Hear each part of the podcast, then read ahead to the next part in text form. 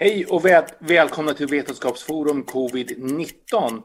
60 minuter extra, 60 minutes extra. Jag heter Jan Lötfall. Jag har varit aktiv i Vetenskapsforum under mer än ett år nu. Eh, jag är professor i Göteborg. Och tillsammans med mig idag ska vi diskutera eh, den nya virusvarianten från Indien. Då har vi Anders Wahlne, professor emeritus från Karolinska institutet. Eh, fortfarande aktiv. Välkommen Anders. Tack så mycket. Hej allihopa. Och idag eh, så har ni, eh, vi har hört att det finns några fall av den indiska mutationen i Stockholm identifierade. Och det har kommit en del frågor till föreningen ifrån gruppen angående detta virus. Eh, denna virusvariant och det är det vi ska diskutera idag. En kort sammanfattning, Anders? Ja, eh, om den indiska varianten. Så kan jag...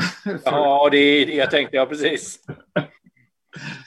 så, eh, så är det så här som vi har berättat ett antal gånger så eh, det här viruset kom ju från fladdermus, förmodligen via en mellanvärld till människa. Och den har funnits hos fladdermus, adapterat till och anpassat sig till fladdermus under eh, kanske århundraden eller årtusenden. Och så kommer den till oss och eh, då passar den inte riktigt för en människa och, eh, men är tillräckligt för att kunna ställa till en massa bekymmer för oss. Men sen vill det, viruset, vill och vill, virus är ju egentligen bara en bit arvsmassa som kan föröka sig. Men det anpassar sig, det sker mutationer i arvsmassan hos virus så att det passar bättre till människa, det blir mer smittsamt eh, och så vidare. Och eh, som ni vet så har vi pratat om sydafrikanska varianten, vi har pratat om brasilianska varianten och den brittiska varianten. Men virus har ju från början också kommit till Indien och det är ett land med över en miljard människor och där har det också skett anpassning som inte har varit eh, helt identisk med den anpassning som har skett i Sydafrika eller Brasilien. Men snarlik. Och eh, här har man då eh, i Indien fått två ordentliga mutationer. Kom ihåg här nu att det, det, sker en massa små mutationer som är små anpassningar eller bara misstag som inte spelar någon roll för virus. De flesta mutationer som sker eh, kommer det bli ett virus som överhuvudtaget inte kan föröka sig hos människan. Så att det blir bara misstag.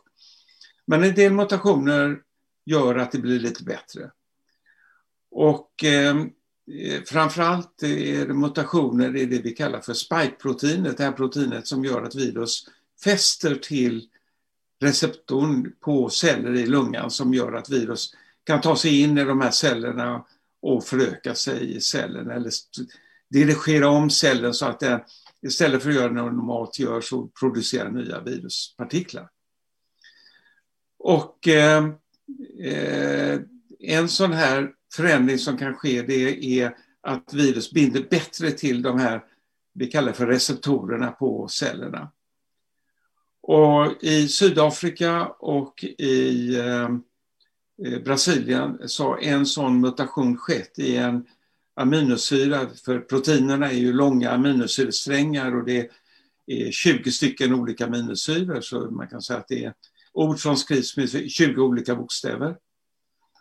Och eh, vi har en bokstav för varje, för varje aminosyra. Och här är det i position 484 så är det normalt tidigare varit bokstav som heter E som är en negativt laddad aminosyra som då i, i, Sydafrika och i Brasilien har blivit K som är en positivt laddad aminosyra. Och då binder virus väldigt mycket bättre. I den indiska varianten som har uppträtt där så har då E som den negativa aminosyran blivit i samma position blivit Q. Och Q är också positivt laddad. Så det har blivit en annan positivt laddad aminosyra. Men och den har gjort då att virus har spridit sig bättre.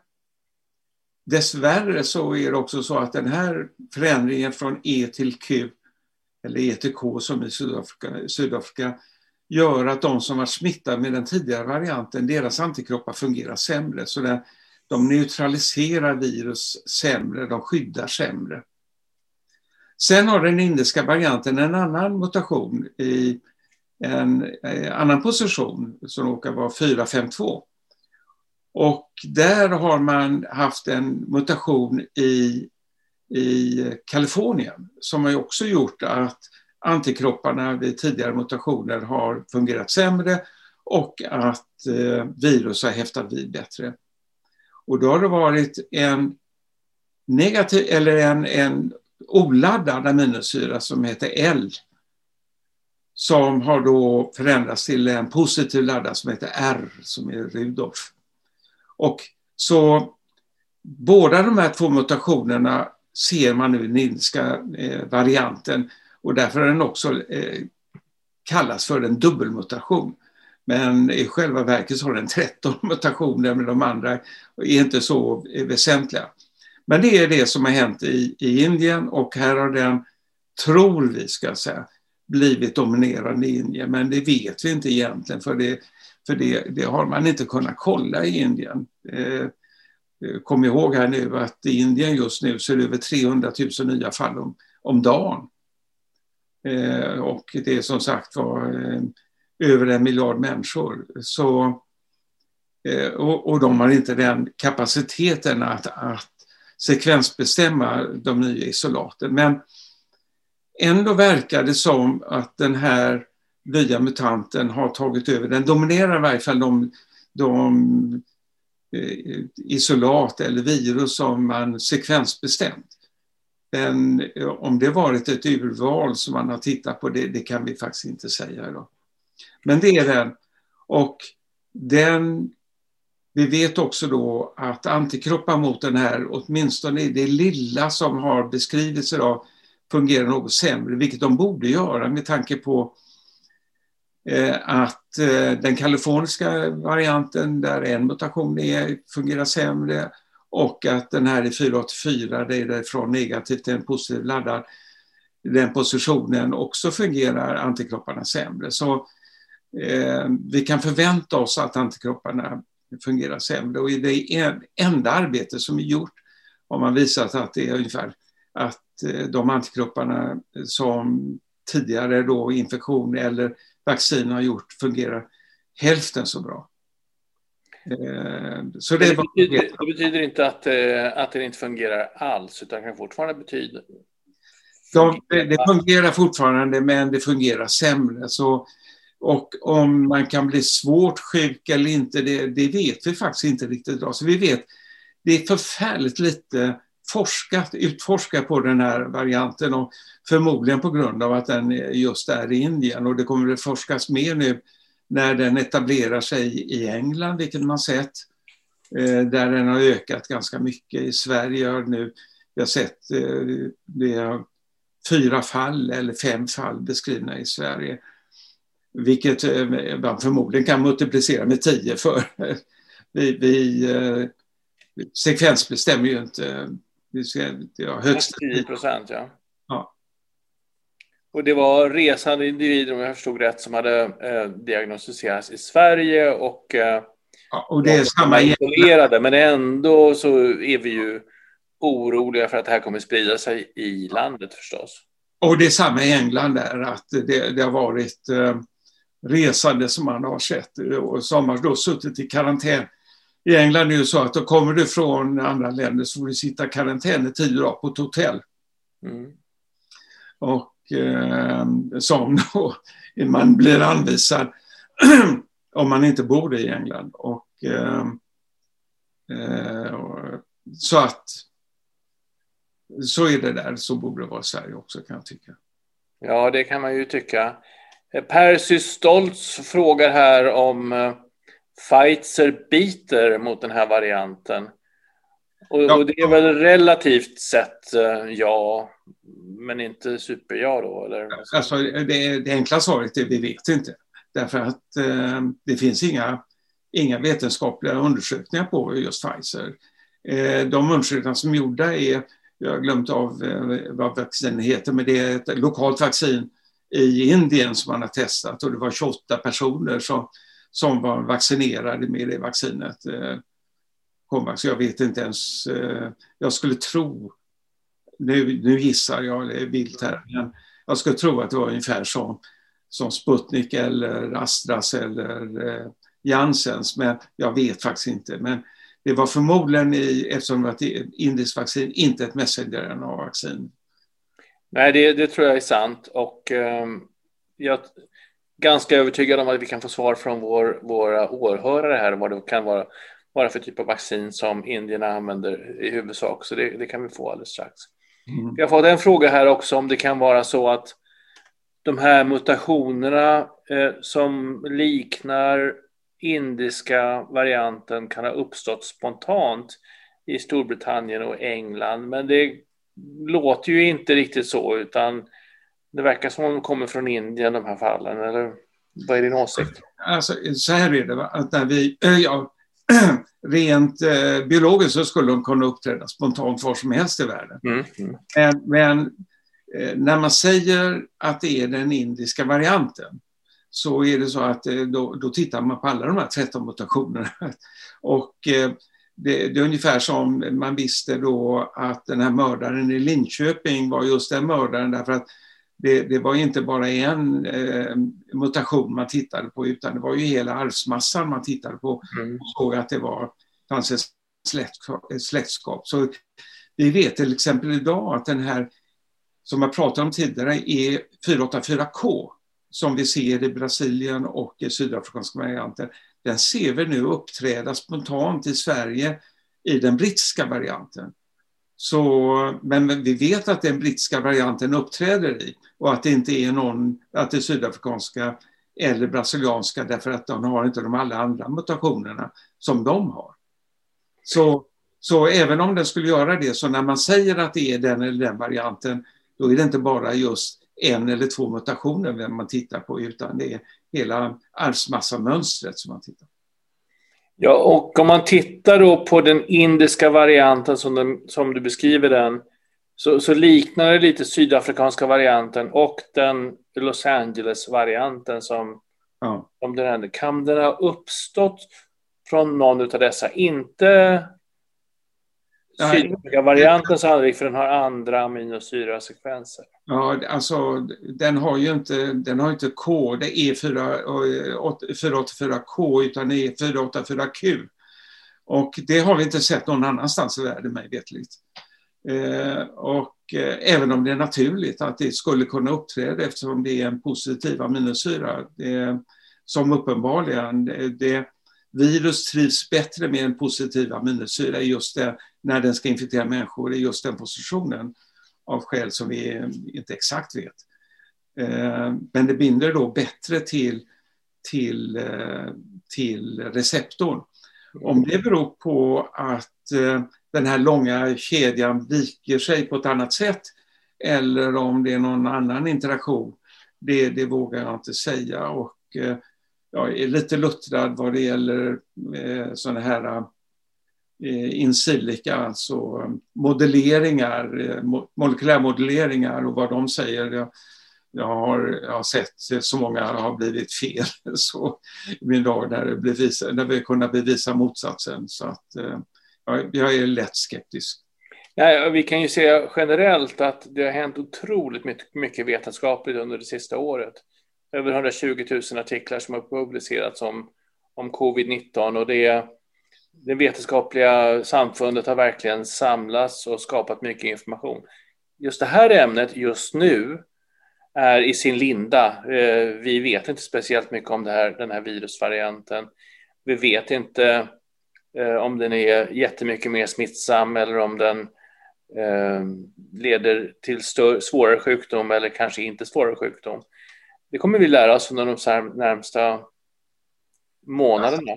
Ja, ja, Ja, absolut. Och, och, eh, alltså, den information som idag finns, finns egentligen i, i vanliga nyhetstidningar.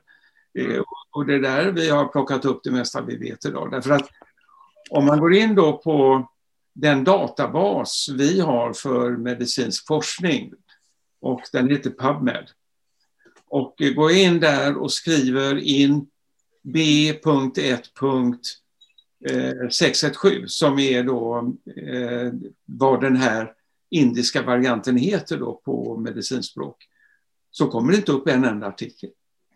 Men går jag in på Google och skriver samma sak, ja, då kommer det upp två artiklar, varav en inte i en peer. Den ena handlar om, om andra vågen i Indien och det säger ingenting speciellt om just den här varianten, indiska, det kallas för indiska varianten, utan det kan vara vad som helst. Men hur, hur mycket virus det finns och R-värdena i olika, i olika eh, regioner i Indien och sådär. Och den andra handlar om just det jag beskrev, nämligen neutralisationen, eh, de här antikropparna, hur de fungerar eh, efter vaccination eller genomgången infektion mot just den nya varianten. Vi kan väl också eh, kommentera att, att vi kommer definitivt ha nya vaccinvarianter inom kort. Mm. Som hjälper oss skapa ett, ett ett immunologiskt skydd mot de nya varianter som sen kommer att dominera. Ehm, jag vet ju att ehm, Moderna och Pfizer båda två har nya varianter på gång mot sydafrikanska och brasilian, brasilianska varianterna. Hur det ligger till med den, den eh, indiska varianten vet jag faktiskt inte. Tror du att eh, Alltså, Vaccin som hjälper mot brasilianska varianten och den sydafrikanska varianten skulle hjälpa bra mot, bättre mot den indiska varianten. Ja, jag tror faktiskt det, därför att som jag sa, den här viktiga mutationen i, i position 484 är väldigt lik. Alltså den, eh, om det är Q eller K i den positionen tror jag inte spelar så jättestor roll. Mm. Eh, och eh, Sen vet jag ju inte om den här mutationen eh, från, från en neutral till en positiv i, i position 542, om den, eh, om den ställer till det på den vänster. Det, det, eller för, förlåt, eh, 4, 452.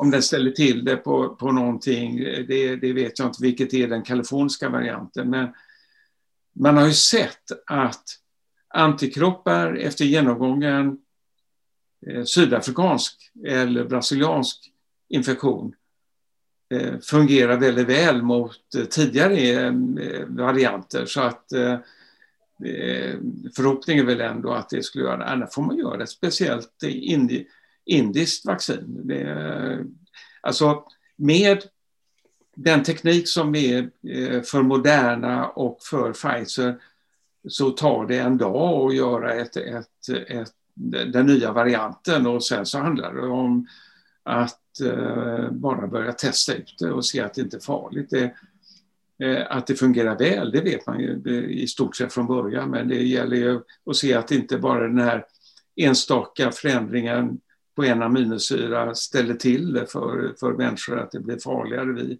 farligare vaccin. Men, eh, så här, här kommer det att, eh, att eh, vi, vi kan nu i laboratoriet adaptera vaccinerna väldigt, väldigt snabbt. Och det är den här eh, framförallt messenger-tekniken eh, som, som har gjort det. Och det, jag är helt övertygad om att det kommer bli ett Nobelpris en dag för, för den tekniken.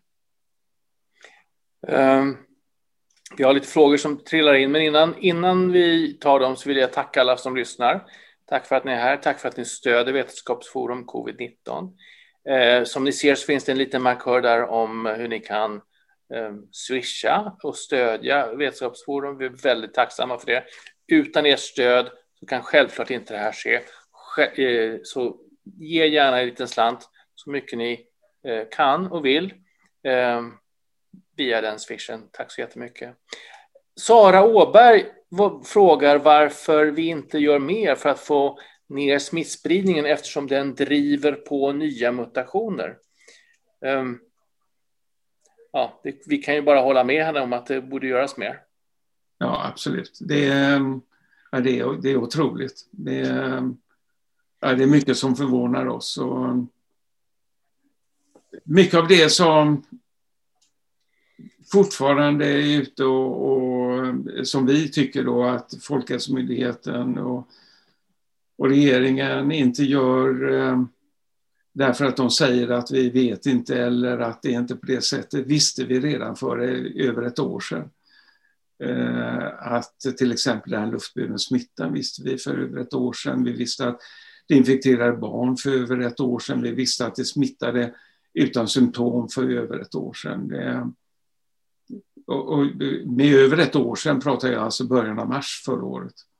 Mm. Så, så äh, det är mycket som har förvånat oss. Och jag kan också säga då att i början av mars då var det ungefär 200 vetenskapliga artiklar publicerade om, om, eh, om detta virus i människa. Och eh, jag hade läst alla. Idag, självklart har jag inte läst 120 000 artiklar, å andra sidan behöver jag inte göra det heller. Men då hade jag läst alla och då hade man kunnat förvänta sig att det hade även Folkhälsomyndigheten gjort. Men ändå så kunde jag dra de här slutsatserna som just eh, beskrev och eh, de som motsatsen. Um, Ann per, Persson frågar lite grann om smittspårningen och hur den fungerar. Bara sju av 21 regioner ringer de som testats positivt och, och försöker. Det är klart att en effektiv smittspårning följt av isolering hade varit någonting som varit väldigt viktigt egentligen för att minska spridningen av den här sjukdomen. Alltså, och, och där är ju också så här att det är självklart när eh, om det är en region infekteras eh, tusentals människor så är det väldigt, väldigt svårt att ha kapacitet för att smittspåra. Utan smittspåret ska man ju syssla med när det är låg eh, frekvens av, av nya smittade. Som vi hade tidigt i våras eller som vi hade i höstas när det var, då skulle man ju varit på tårna. Men det var inte. Över sommaren? Ja, över sommaren. Då, eh, och tidig höst. Då skulle man ju eh, sätta in alla klutar och anställa folk. Det hade varit en, en billig investering kan jag lugnt säga.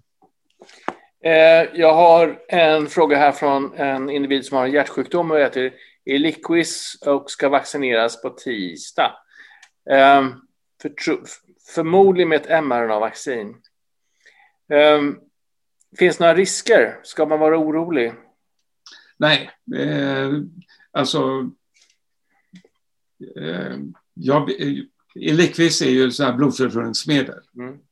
eh, som är modernt. Men vi har ju, eh, så det fungerar ju eh, mot eh, proppbildning, det kan man säga. Mm. Den här extremt sällsynta proppbildningen som vi kallar för DIC, eller Disseminating Intravascular Coagulation, som, som vi har sett några fall, alltså kombinationen av trombos och eh, att blodplättarna försvinner eh, som beror förmodligen på antikroppar mot eh, de här blodplättarna.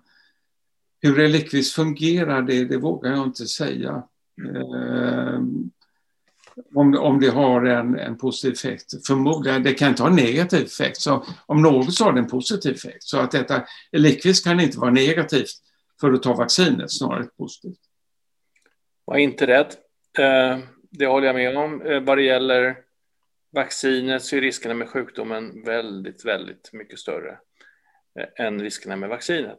Ja, framförallt om du får eh, messengervaccin. Det finns inte beskrivet där. Va? Det, jag kan också för alla då som säger ska vi ta Astra. Jag, jag, tog Astra för tre veckor sedan. Så att, eh, men det var, inget, det var inget val. Jag stod och skulle få vaccinationen frågade vad blir det för vaccin. Då, då sa de idag blir det Astra. Ja, vad skulle jag göra? Jag fick ta det. Ta det som det blir. Ja, jag tog det som det. Ja. Vi kanske kommer in på det här med kombination av vacciner senare, men det, det, det Finns det några planer, arbete redan i Sverige eller Norden att försöka få fram eget vaccin med tanke på nya mutationer och så vidare? Jag kan säga det, det är flera laboratorier i Sverige, Finland, Norge och Danmark skulle jag misstänka som har försökt utveckla olika vaccinvarianter mot covid-19. Mitt labb tillhör faktiskt en av dem och vi har en, en vaccinkandidat. Jag tror inte den hade varit mer effektiv, inte varit i närheten av oss effektiv som de mRNA-vaccin vi har idag, men eh, men eh, försöker gör vi. Däremot så vet jag inte, det kanske du vet bättre Anders, om det finns något företag eller någon, något konsortium som försöker få fram massproduktion av ett vaccin, ett nytt vaccin i Norden eller Sverige för att kunna tackla de nya varianterna? Nej, det vet jag inte, men jag tror inte det om man ska vara riktigt ärlig. Därför att eh, de här messengervaccinerna, de är väldigt lätta att producera och hade vi haft en vaccinfabrik i Sverige som säg var tio år gammal och sådär, så hade den inte haft den eh, möjligheten att göra de här eh, messengervaccinerna med mindre än att man, att man hade byggt om den. Och, eh, så, eh, men eh, Jan, eh, din variant av vaccin skulle kombiner, kunna kombineras väl med ett messenger-vaccin, för det handlar ju om lite grann hur man, hur man administrerar det och eh, hur det tar in sig. Så du kanske skulle eh, ringa en signal till Moderna eller Pfizer? Ja, kanske det för gott folk som lyssnar så kan jag berätta det att vi, vi gör så att vi har gjort så att vi eh, eh, processar in med genetisk manipulering in spikeproteinet i en bakteriecells eh, vägg, cellväggen, cellmembranet och sen gör vi så kallade nanovesiklar eller små, små bubblor av de här Ehm, och, och då har man det som kallas adjuvant, det vill säga det som hjälper immunsystemet i form av bakterieväggen och själva vaccinet, det vill säga proteinet som finns på ytan, i det här fallet spike-proteinet, tillsammans. Och då har man en, ett, lätt sätt att, att få till en, eh, ett, ett vaccin. Och, och vi, har, vi har testat det mot, mot um, sars-cov-2, eller spike-1-proteinet rättare sagt. Vi har utvecklat det mot pseudomonas aeruginosa, bakteriella infektioner och även mot E. coli, det vill säga um, blodförgiftningsbakterier. Mm. Jag har faktiskt spelat in en kort video om det här på fyra, fem minuter någonting sådär. Och vi, den, den ligger i cyberspace och vi ska processa den och lägga ut den snart. Mm. Jag berättar kort om det. Men då, då, kan jag eh, berätta för er här att i den här nya teknologin, eh, vi hade ju då Messenger, då pratade vi, det är en vidareutveckling egentligen av det vi tidigare har sett, eh, vi kallar för naket DNA, att man stoppar in arvsmassa, en liten, liten bit arvsmassa för sig själv, sprutar in. Och då har man visat att det är sådär. Det, det fungerar på möss, va? men då ger man, ska man ge samma dos eh, till en människa så blir det ju eh, blir det enormt mycket DNA man sprutar in. Men då har man sett att om man kommer först med DNA och sen med protein så fungerar det väldigt väl. Men då tänkte jag att om man kom, samma sak med RNA-vaccinet där, så kunde man börja med det och sen komma tillbaka med ditt vaccin, eh, Jan. Jag skulle tro att det ger en, en väldigt bra effekt därför att varken, för här har du det här vi kallar för adjuvanseffekten, alltså det här stimulerar effekten, det har man ju varken i, i Astras vaccin eh, som är, har, är vektorburet eller i, i Moderna eller Pfizer som är messenger Så jag skulle tro att man skulle få ett kanonsvar att komma först med eh, Moderna eller Pfizer och sen med ditt. Det skulle... Eh, Ja, det... Testa det, testa det. Vi ska sätta oss och prata om detta någon gång, du och jag, Anders. Ja. Uh... Och, det har jag faktiskt planerat att återkomma till, men det ska vi göra någon gång, absolut. Ja. Eh, eh, är, är, är den indiska varianten mer smittsam hos barn? Vad jag vet så vet vi inte det, va? Nej, vi har ingen aning. Vi, vi, vi kan säga så här att den binder det bättre, vilket vi har skäl att tro, till eh, receptorn så smittar det bättre hos barn. Det, vi vet med den brittiska varianten att den smittar barn bättre eh, och mer. Eh, eh, I och för sig ska vi lugnt säga att barn blev lika mycket smittade för som vuxna. Men förmodligen är det så här att barn, eller ja, vi vet snarare, att barn har på den här eh, medfödda immuniteten är påslagen på ett annat sätt hos barn än hos eh, vuxna. Och eh, det gör, och corona är väldigt, väldigt känsligt för eh, för den här medfödda immuniteten. Och nu, nu, nu gissar jag, för det här vet jag inte, det, eller ingen vet egentligen, men uh, educated guess om ni vill. Uh, Vad vi vet är att... Uh, det gör ju att, att barn, om de blir smittade idag med den gamla första viruset, att det hände inte så mycket och det kanske till motades Olle Grind direkt. Va? Men med den, med den brittiska varianten så får virus ett litet övertag eh, även hos barn.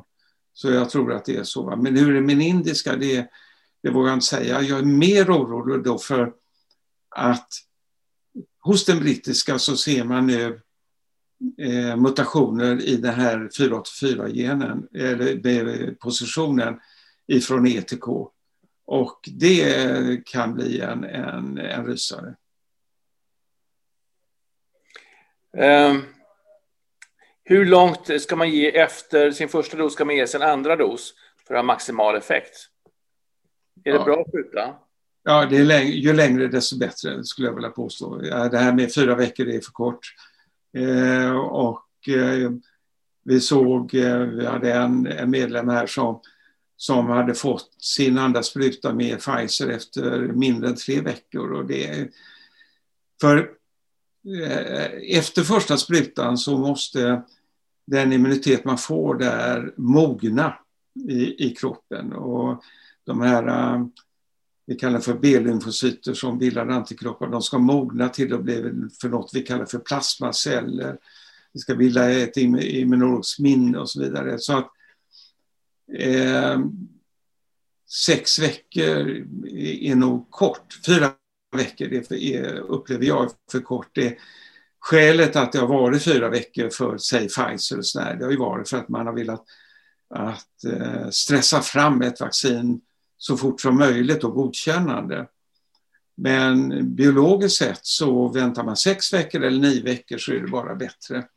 Och i England av logistiska skäl så, så behöver man ju 12 veckor och det, det, är ingen nackdel att vänta 12 veckor. Men eh, det är klart att efter andra sprutan blir det bättre så, så en, en eh, mellan 6 och 9 veckor kanske är optimalt.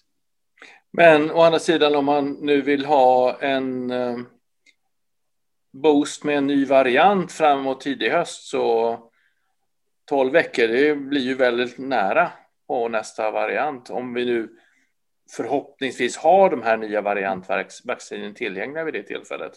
Ja, antingen är man försiktig över sommaren och väntar på andra doser med, med den nya varianten, vilket man kan göra givetvis. Va? Eller så tar man sig efter, beroende på... Alltså, jag, jag kan väl säga att eh, sex jag, jag, skulle vänta minst fyra veckor. Ja, fem eller sex åtminstone. Sånt där. Det, eh, för att få. Min, eh, min mRNA-vaccin på fredag. Så att äh, någon gång i mitten på juni, precis innan midsommar, är det dags att ta nästa. Enligt kanske, eller kanske till och med efter midsommar. Ja. Enligt mitt förmenande. Ja, det skulle jag, jag skulle nog vänta till början av juli. Mm. Och sen kan man ju alltid hoppas att det kommer en ny booster. Eh, mot en ja, ny men då, och den kommer väl ja, slutet av september tror jag att, eh, tror jag uppriktigt sagt att, jag menar, let's face it, de, de, de startade ju att göra de här nya varianterna redan i januari, februari. Mm, eh, och började testa dem och har gjort då djurförsök och de var snabba och redan inne i människa. Så med, med tanke på hur fort det gick eh, förra året med de första vaccinerna så är man klar i september, det skulle jag tro. Ja, jag, jag tror att de här första kliniska prövningarna redan är genomförda Eh, och håller på att analysera skulle jag misstänka. Vad man behöver visa är att eh, man producerar antikroppar som neutraliserar viruset. Ehm, och det är väl på en ganska liten population, inte alls så många tusentals individer utan um, Nej, men det är safety, det är safety som eh, är diskussionen här. Va? Men den måste ju vara ungefär i paritet med när man gör ett nytt influensavaccin, va? vilket man gör för varje år. Så um, jag skulle tippa att det, det räcker med några tusen bara. Det, det, man behöver inte ha 30-40 tusen. Vi kan tipsa om en eh, video som eh, jag spelade in tillsammans med vaccinexperten Ali Harandi på Göteborgs universitet för en dryg vecka sedan eh, där vi, diskut där vi diskuterar detta riktigt, ja, gräver djupt kan jag säga till och med. Hur ser vi på vaccinering av gravida, Anders? Ja, alltså eh, det finns inga, inga som helst... De, de vacciner som finns idag, det är inte levande vacciner. De kan inte föröka sig, de kan inte åka över till fostret eh, eh, på det sättet. Och ehm, eh, tar man Pfizer, vilket det lär bli eftersom gravida inte lär få Astras eller Janssens eller något sånt där, utan det är Pfizer eller Moderna, så, så ser jag inga som helst problem. Och det har nu vaccinerats rätt många gravida ute i världen och det finns inget negativt rapporterat. Så, eh, skulle jag vara gravid, vilket jag aldrig skulle kunna bli, eh, så hade jag tagit det. Det hade varit osannolikt, Anders. Ja, ganska så kan man nog säga. Ja, ja, min kommentar där är väl att eh, det är nog allvarligare och mer problematiskt om en gravid blir sjuk i covid-19 och absolut, absolut. kan vara jobbigare. Så att, um, det här var en intressant fråga från uh, Omid Badiei som tycker att vi ska ställa till ett, ett delta eller ta fram ett debattprogram och ställa Folkhälsomyndigheten mot väggen med våra kunskaper. Eh, det är många frälsta och så som följer dem. Eh, vi kan väl säga så här, någon, någon debatt är väl inte planerad, men alla ni som lyssnar, imorgon under eh, presskonferensen så hoppas vi att Anders Wahlne får möjlighet att ställa frågor som eh, ansvarig utgivare för Vetenskapsforum covid-19 eh, och som våran journalist. Ehm, har du fått något besked om du får, ställa, får vara med, Anders? Eller? Nej, jag får, jag får eh, ansöka imorgon förmiddag, imorgon bitti. Eh, och så se. Lena Einhorn eh, igår eh, skulle ju ställa en fråga, men hon sjabblade till det där, tror vi, med sin mikrofon, så hon kom aldrig fram. Något, men, något tecken var det någonstans i alla fall. Ja, någonstans var det tecken. Jag kan inte skylla på någon speciell. Ja, ja, jag skulle tro att det var Lena, om, om, jag, får, om jag får gissa vilt. Men eh, eh, de ställer ju inte upp på, någon, Folkhälsomyndigheten ställer inte upp på, eh, på debatter. Eh, det enda debatten var med Lena Einhorn, eh, den famösa tillställningen i Aktuellt för eh, ett drygt år sedan. Själv skulle jag ju i, i mars förra året debattera i Studio 1 i P1, i Radio P1. Mot, eh, men fem minuter innan vi skulle in i sändning så, så hoppade Anders Tegnell av. Så, och sen dess har de inte ställt upp i någon, ja det var när Aktuellt. Med Lena då, den 14 eller 15 april. Sen, de, sen vägrade de ställa upp i någon som helst. Mm. Eh, Maj Eng här är orolig att hon har fått eh, Pfizers andra dos efter tre veckor. Har hon mindre skydd? Svaret på den frågan är väl eh, att hon inte ska vara orolig. Hon har ett skydd. Ehm, det handlar om att optimera skyddet i de här sammanhangen och få så bra skydd som möjligt. Ehm, hon kanske ska tänka på att eh, vara snabb och ta en, en boosterdos av eh, en ny variant vaccin så fort det kommer. Vad säger du, Anders? Vi ska ja, efter, en, efter en vaccination så ska man leva precis som man gjorde innan den vaccinationen. Det, vi har en väldigt hög smittspridning i Sverige just nu och eh, eh jag tror vi är värre än Indien till och med. Eh, per capita. Så vi, eh, vi har ett väldigt eh, besvärligt läge och det är klart så här, inget av vaccinerna är hundraprocentigt och definitivt inte efter en spruta. Jag har ju tagit en spruta nu som jag berättade och jag har på mig munskydd. Jag går bara i, enbart i livsmedelsaffären och handlar och gör det på udda tider när det inte är några andra där i princip. Vilket är inte så svårt här i Båstad eh, där vi filmar nu. Och, eh, men jag har på mig munskydd. Och eh, jag umgås inte med barnbarn eller med, med barn. Eh, och de jag umgås med, där jag ser till att ventilera ordentligt. Så jag lever precis som jag gjorde innan jag fick första sprutan, det är tre veckor sedan jag fick den idag. Och jag kommer göra det eh, tills eh, flera veckor efter, eller säg en dryg vecka efter jag fått andra sprutan. Och det vilket kommer det bli nu och då kommer sommaren att, att minska smittspridningen också och fler och fler är vaccinerade. Så att idag, även om ni är vaccinerade, lita inte på vaccinet utan eh, var försiktiga och håll ut ett par, säg en månad till.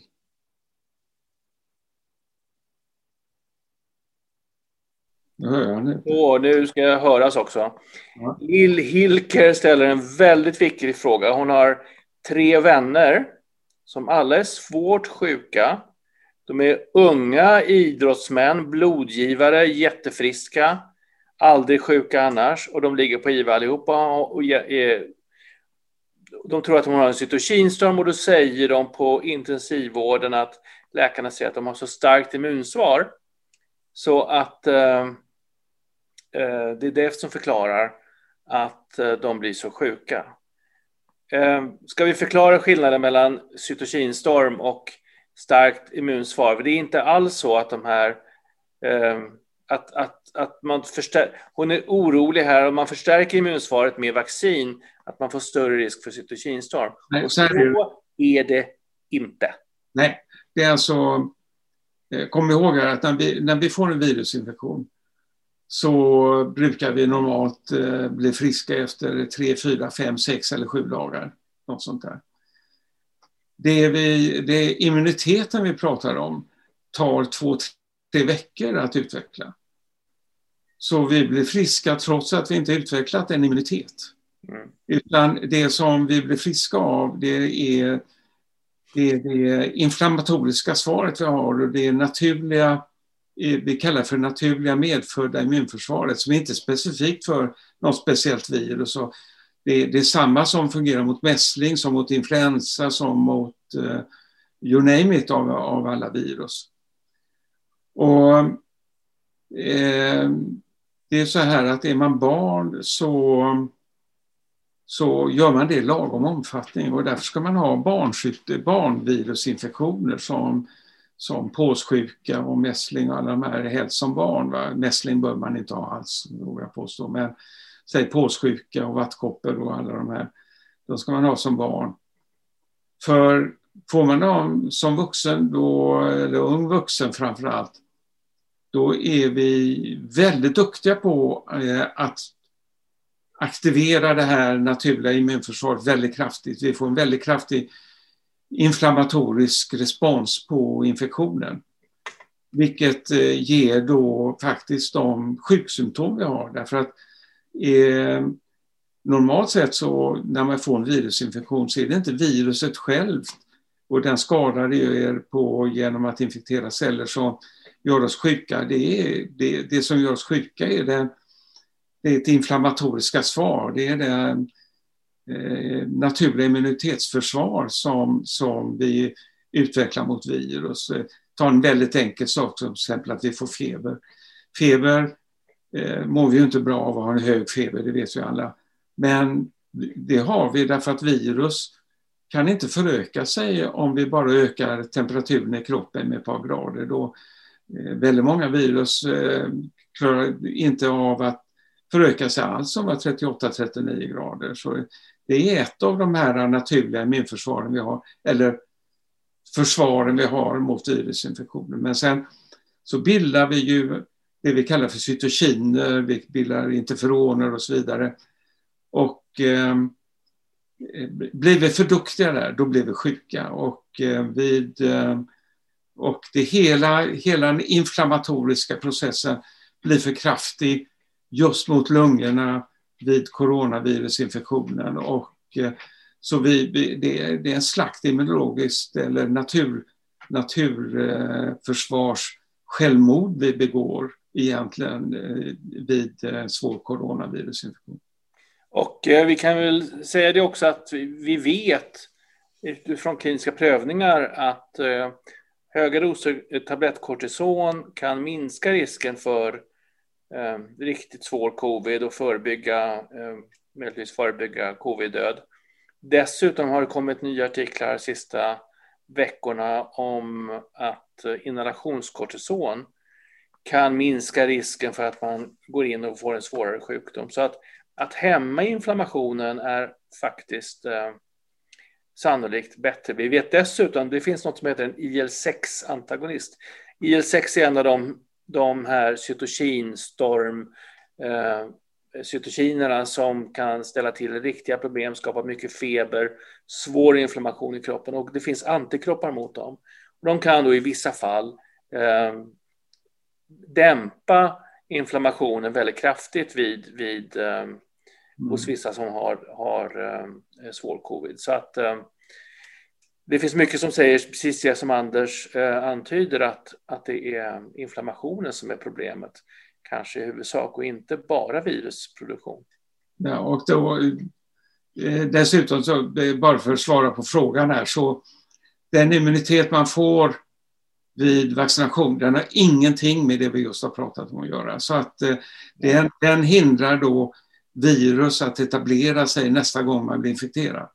Ehm, men det har ingenting med den här cytokinstormen och alltihopa det här med för god immunologisk reaktion att göra.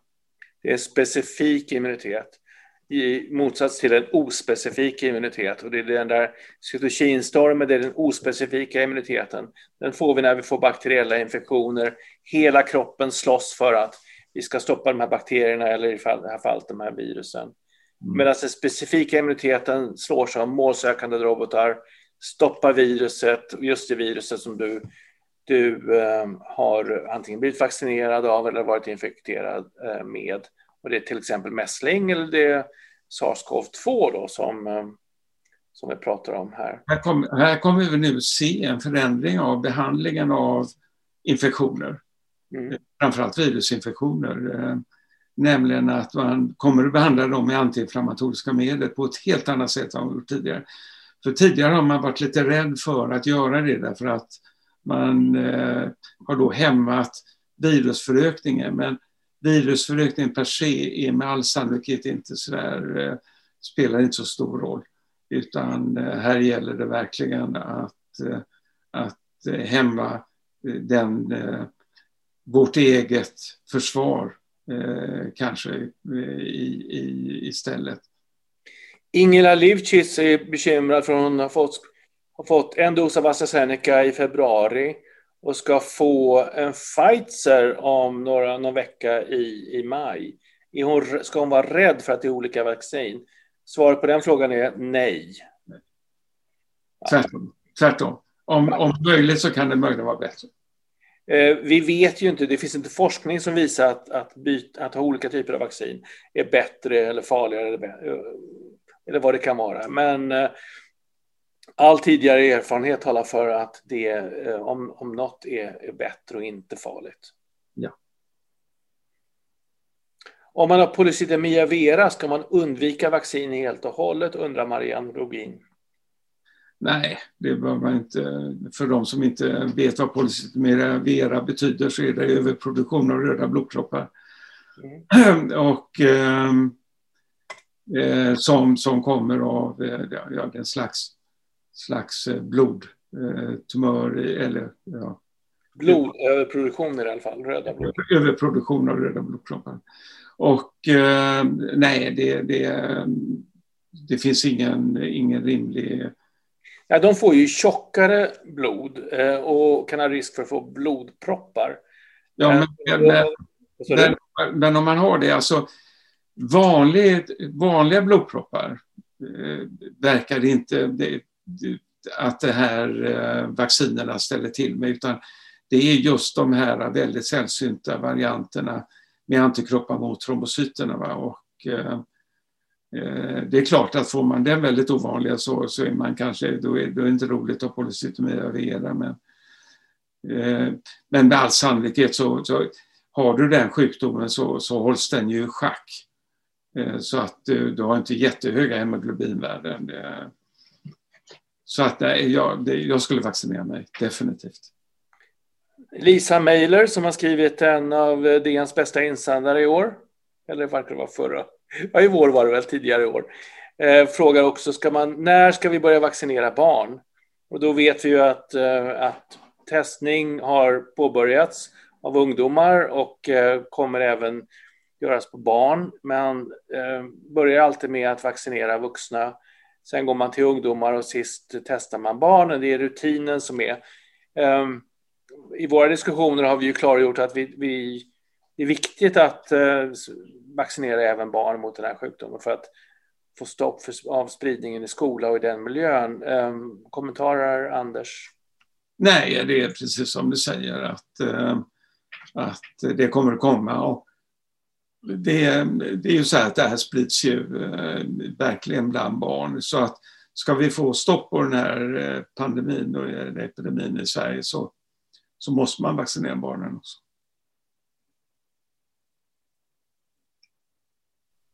Många frågar om vi kommer få en svensk virusvariant och svaret på den frågan är väl att det redan finns flera svenska varianter. Det är bara de, de är inte variants of concern ännu, eller du kan det där bättre än jag, Anders. Variants of interest, nej. Det ja, det, det, det är klart att jag menar, mutationer sker hela tiden. Som jag sa, de flesta mutationer som sker, då, det, det händer ingenting. Ehm, men det är klart att ju, ju mer smittspridning vi har i Sverige, desto större risk eh, finns det ju att det kommer en, en unik svensk mutation. Kom ihåg här, den här brittiska mutationen, den uppträdde i Kent. Och Kent är ju ett landskap i England som är bra mycket mindre än hela Sverige. Så, att, eh, så eh, visst, det, vi kan få den skandinaviska, det, det finns en beskrivet en unik finsk mutation eh, som inte verkar vara eh, allvarligare i och för sig. Va? Men eh, det, visst, visst, kan den uppträda en, en, en eh, er, väldigt elak mutation i Sverige. Det, Sverige är inte förskonat därifrån. Nu, vi, vi, vi har väldigt mycket smittspridning per capita. Men vi är ju inte lika stort land i närheten av att vara lika stort land som Indien till exempel, eller Brasilien eller Sydafrika för den delen. Så det är, när det är stor smittspridning i ett stort land så finns det ju väldigt många fler chanser för viruset att skapa en ny mutation. Så mm. det är inte så konstigt att de, de uh, varianterna dyker upp i, i den typen utav, utav länder. Jag har andra sidan köpt uh, penninglotter med mycket lägre odds än så. Ja, de har, precis.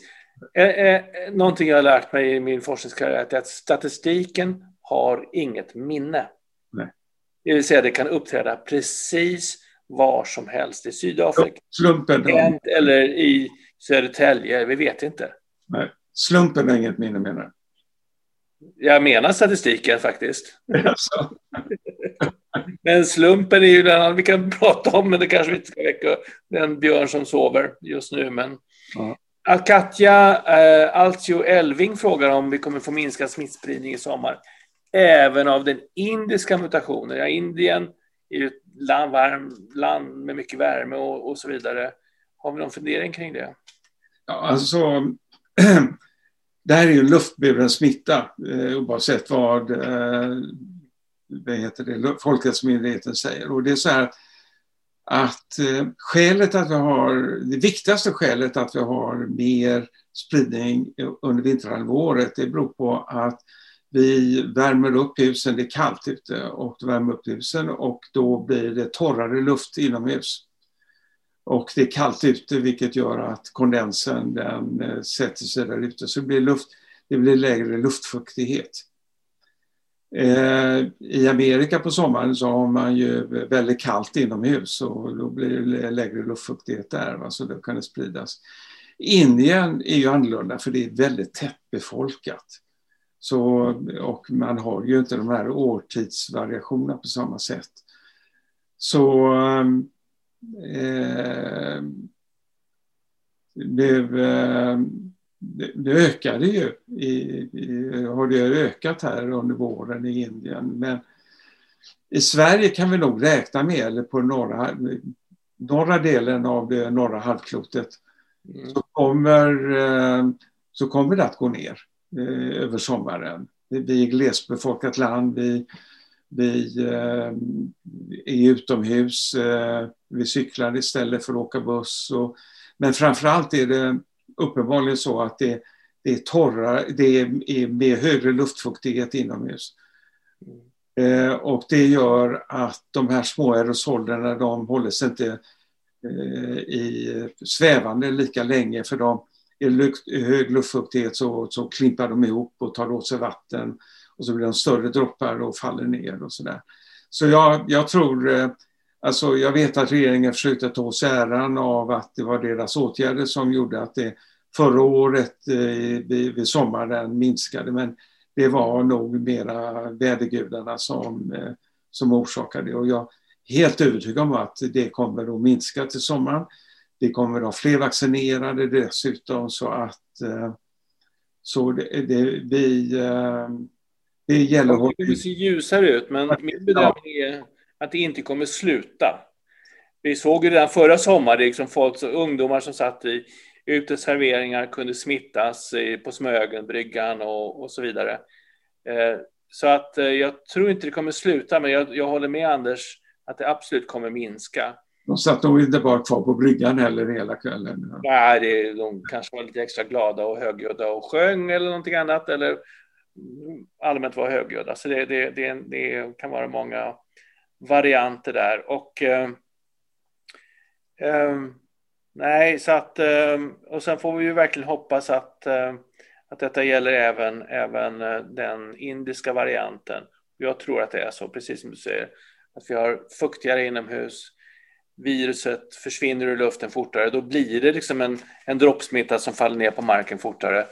När det, är, när det är kallt och torrt, då är det en aerosolsmitta som stannar mer i luften. Uh, en, en sista eh, avancerad fråga från Peter Ås. Vad är skillnaden mellan barn och vuxna om man har ett starkt immunförsvar? Varför får barn mer sällan cytokinstorm? Eh, frågar Peter.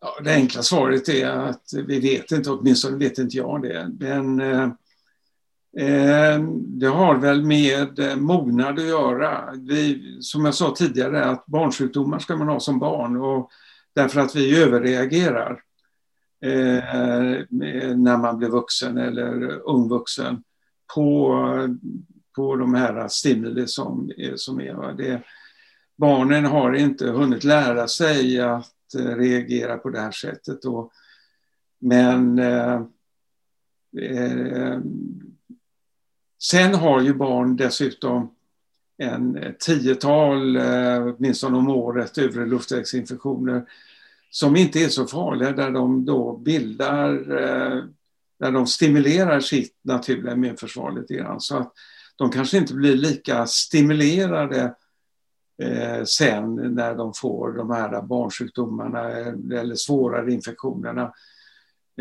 De har då ett naturligt försvar redan som kanske då minskar smittdosen direkt och så vidare. Jag, jag, spek jag, jag spekulerar vilt här nu. Som ja, men det är Snille som spekulerar så det är helt okej. Okay. Eh, ja, vi kan väl säga generellt att den här minnesimmuniteten, den som är specifik mot olika virusar, är mycket mer aktiv hos barn och unga än den är hos äldre. Och det är därför kanske inte alla som är 80 plus får en fullgod immunitet efter vaccinering medan 100 eh, procent av, av tonåringarna får det enligt vissa rapporter. Så att eh, det kan väl vara en, en, en förklaring. Eh, ska vi göra så att vi tackar alla som har lyssnat idag. Vi har nått slutet på vår 60 minutes extra om den indiska varianten. Det här är absolut inte så att det är sista ordet sagt, utan det kommer hända mycket. Vi kommer få mycket mer information. och Vi kommer säkert komma tillbaka till den här frågan. Eh, bidra gärna med ett litet, eh, litet stöd till Vetenskapsforum covid-19 genom att eh, swisha en summa om det är möjligt. Vi tackar jättemycket för stöd.